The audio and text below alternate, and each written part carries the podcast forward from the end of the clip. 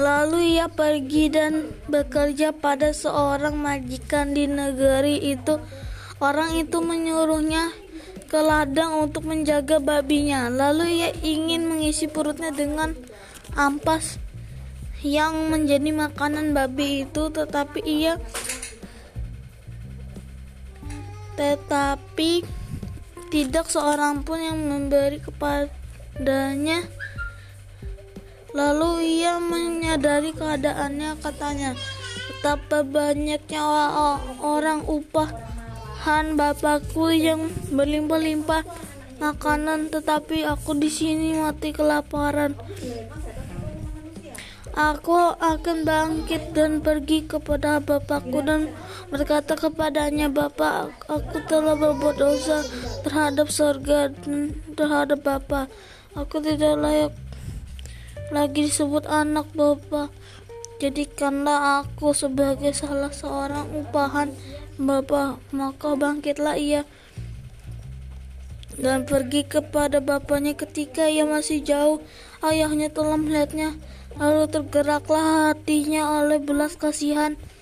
Ayahnya itu berlari mendapatkan dia, lalu merangkul dan mencium dia. Kata anak itu kepadanya, Bapak, aku telah berbuat dosa terhadap surga dan terhadap Bapak.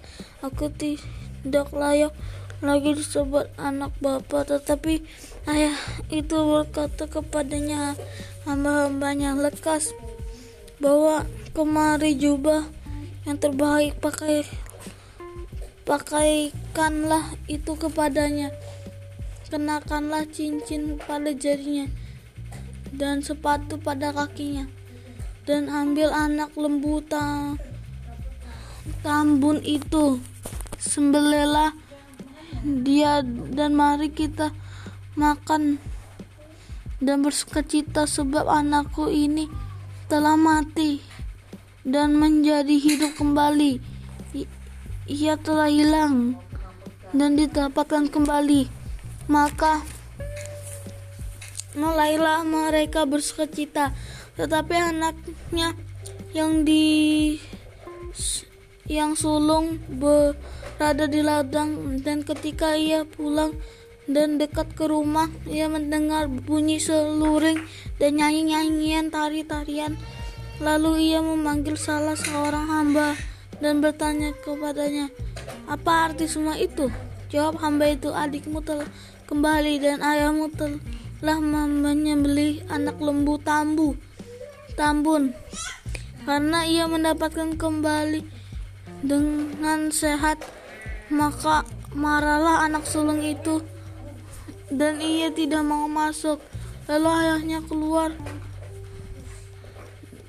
dan berbicara kepada dia, tetapi ia menjawab ayahnya katanya, telah bertahun-tahun aku melayani Bapak dan belum pernah aku melanggar perintah Bapak, tetapi kepadaku belum pernah Bapak berikan seekor anak kambing untuk bersuka cita dengan sahabat-sahabatku. Tetapi baru saja datang anak bapak yang telah memboroskan harta kekayaan bapak bersama dengan pelacur-pelacur. Maka bapak menyembelih anak lembu tambun itu untuk dia.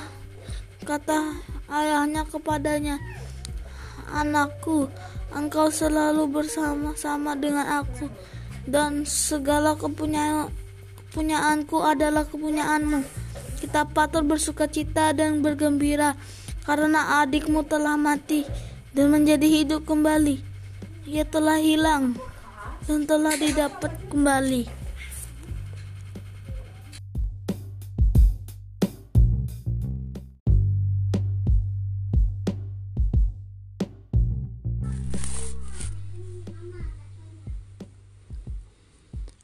Lukas 16 ayat 1 sampai 30. Perumpamaan tentang pendahara yang tidak jujur. Dan Yesus berkata kepada murid-muridnya, ada seorang kaya yang mempunyai seorang bendahara kepadanya disampaikan tuduhan bahwa bendahara itu menghamburkan miliknya. Lalu ia memanggil bendahara itu dan berkata kepadanya, "Apakah yang ku dengar tentang engkau? Berilah pertanggungjawab atas urusanmu, sebab engkau tidak boleh lagi bekerja sebagai bendahara." Kata bendahara itu di dalam hatinya. Apakah yang harus aku perbuat? Tuanku memecat aku dari jabatan aku sebagai bendahara. Mencangkul aku tidak dapat mengemis, aku malu. Aku tahu apa yang akan aku perbuat supaya apabila aku dipecat dari jabatanku sebagai bendahara ada orang yang akan menampung aku di, di rumah mereka. Lalu ia memanggil seorang demi seorang yang berhutang kepada tuannya. Katanya kepada yang pertama, "Berapakah utangmu kepada tuanku?" Jawab orang itu, "Seratus tempayan minyak." Lalu katanya kepada orang itu, "Inilah surat hutangmu, duduklah dan buat surat hutang lain sekarang juga 50 tempayan kemudian ia berkata kepada kedua.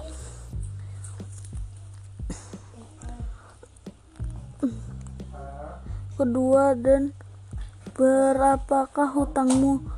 Jawab jawab orang itu. 100 pikul gandum Katanya kepada orang itu, inilah surat utangmu, buatlah surat lain 80 pikul. Lalu Tuhan itu memuji bendahara yang tidak jujur itu karena ia telah bertindak dengan cerdik. Sebab anak-anak dunia ini lebih cerdik terhadap sesamanya daripada anak-anak terang. Dan berkata kepadamu, ikatlah persahabatan dengan pergunakan Mahamon yang tidak jujur supaya jika Mammon itu tidak dapat menolong lagi kamu diterima di dalam kemah abadi. Sedia dalam perkara yang kecil nasihat. Barang siapa setia dalam perkara-perkara kecil, ia setia juga dalam perkara-perkara besar. Dan barang siapa tidak benar dalam perkara-perkara kecil, ia tidak benar juga dalam perkara-perkara besar. Jadi jikalau kamu tidak setia dalam hal mamon yang tidak jujur, siapakah yang akan percayakan kepadamu harta yang sesungguhnya dan jikalau kamu tidak setia dalam harta orang lain siapakah yang akan menyerahkan hartamu sendiri kepadamu? Seorang hamba tidak dapat mengabdi kepada dua tuan karena jika demi mengasihi orang yang lain atau atau ia akan setia kepada yang seorang dan tidak mengindah yang lain. Kamu tidak dapat mengabdi kepada Allah dan kepada Mammon. Semua itu didengar oleh orang-orang Farisi, hamba-hamba uang itu, hmm, dan mereka mencomohkan dia. Lalu ia berkata kepada mereka, "Kamu membenarkan diri di hadapan orang, tetapi Allah mengetahui hatimu. Sebab apa yang kau yang dikagumi manusia dibenci oleh Allah. Hukum Taurat dan kitab para nabi berlaku sampai kepada zaman Yohanes. Dan sejak itu kerajaan Allah diberitakan dan setiap orang mengagahinya merebut memasukinya lebih mudah langit dan bumi lenyap daripada satu titik dari hukum Taurat batal. Setiap orang yang menceraikan istrinya lalu kawin dengan perempuan lain, ia berbuat zina. Barang siapa kawin dengan perempuan yang diceraikan suaminya, ia berbuat zina. Orang kaya dan Lazarus yang miskin.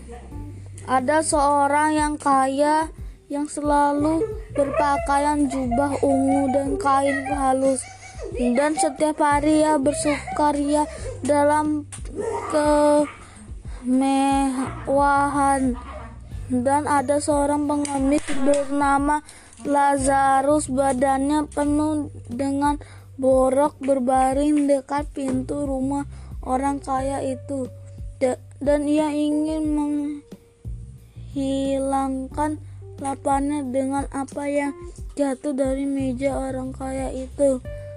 Malahan. Anjing-anjing datang dan menjilat boroknya. Kemudian matilah orang miskin itu, lalu dibawa malaikat-malaikat ke pengakuan Abraham. Orang kaya itu juga mati lalu dikubur.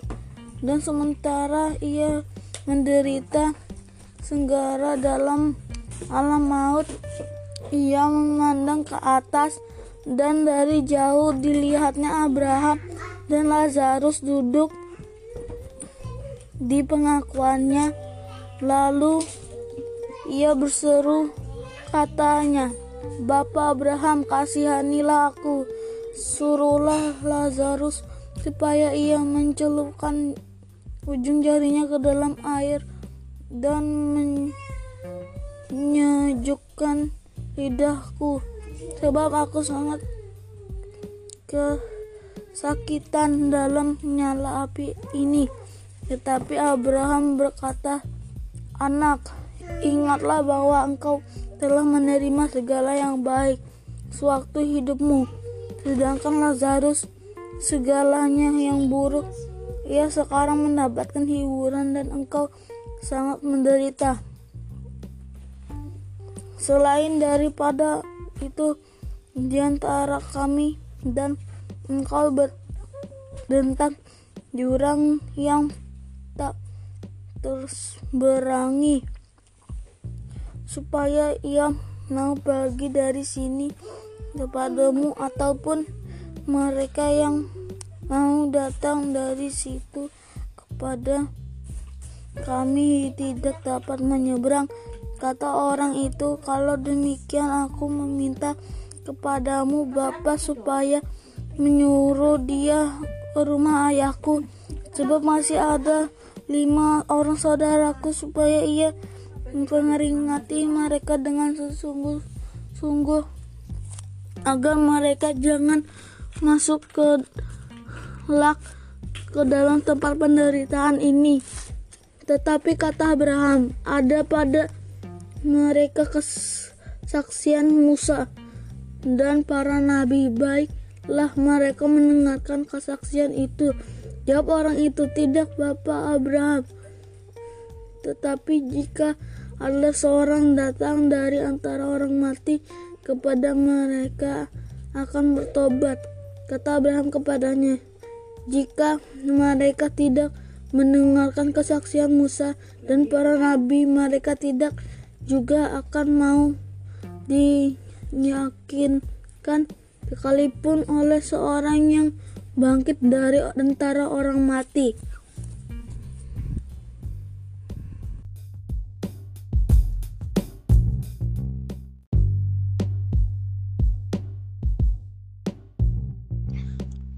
Kisah para Rasul 1 ayat 1 sampai 26 Roh Kudus dijanjikan.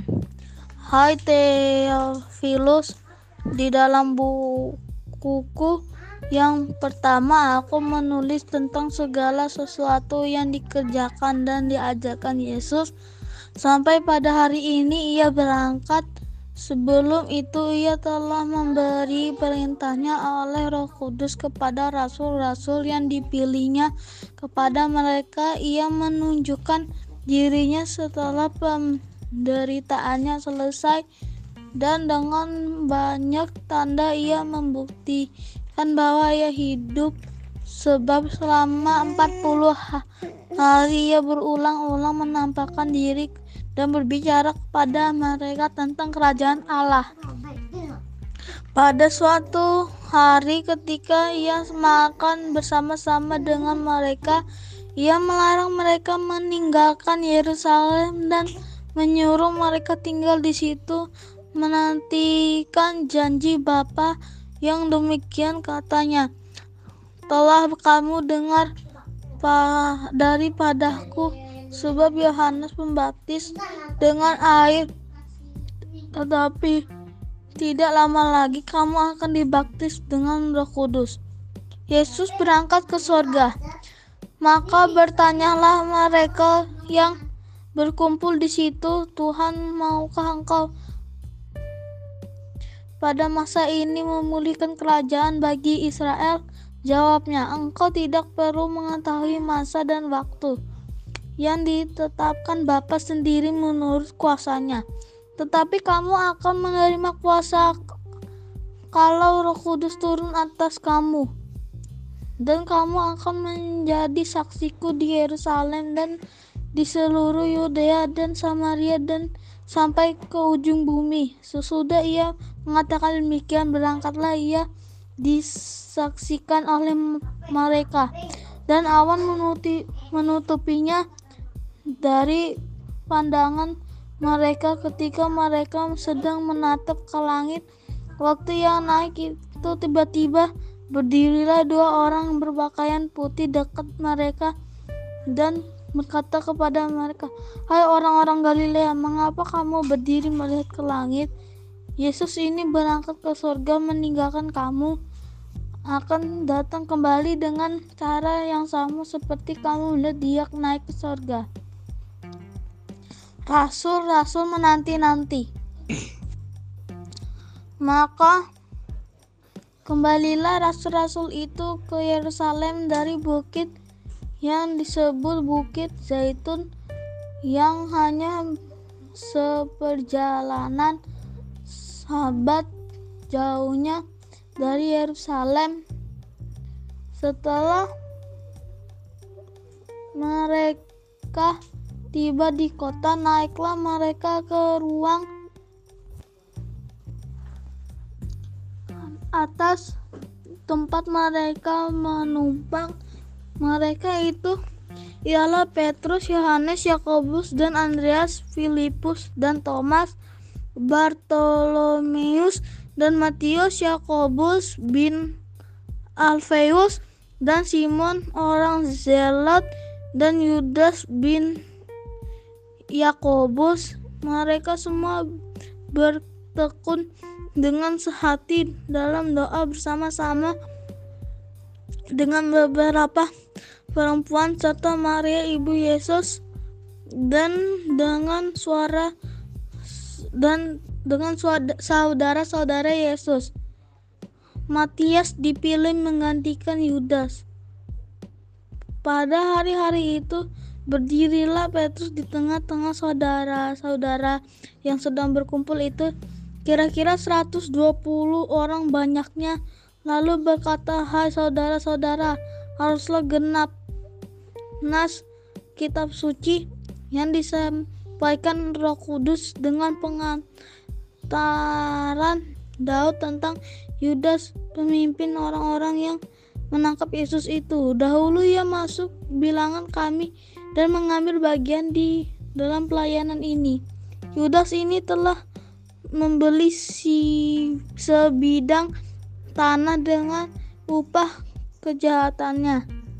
Lalu ia jatuh ter telungkup dan perutnya terbelah sehingga semua isi perutnya tertumpah keluar. Hal itu diketahui oleh semua penduduk Yerusalem sehingga tanah itu mereka sebut dalam bahasa mereka sendiri Hakal Dama artinya tanah darah sebab ada tertulis dalam kitab Mazmur biarlah perkembangan menjadi sunyi dan biarlah tidak ada mengetahui di dalamnya dan biarlah jabatan diambil orang lain. Jadi harus ditambah kepada kami seorang yang dari mereka yang senantiasa datang berkumpul dengan kami selama Tuhan Yesus bersama-sama dengan kami. Yaitu mulailah dari pembaptisan Yohanes sampai hari Yesus terangkat ke sorga meninggalkan kami untuk menjadi saksi dengan kami tentang kebangkitannya. Lalu ia mengusulkan dua orang Yusuf yang disebut Bara Barsabas dan yang juga bernama Yusuf dan Matias. Mereka semua berdoa dan berkata, "Ya Tuhan, Engkaulah yang mengenal hati orang semua orang tunjukkanlah kiranya siapa yang kau pilih dari kedua orang ini untuk menerima jabatan pelayanan yaitu keras kerasulan yang ditinggalkan Yudas yang telah jatuh ke tempat yang wajar baginya. Lalu mereka membuang undi bagi kedua orang itu. Dan yang kena undi adalah Matias. Dan demikian dengan demikian ia ditambah kepada bilangan ke-11 rasul itu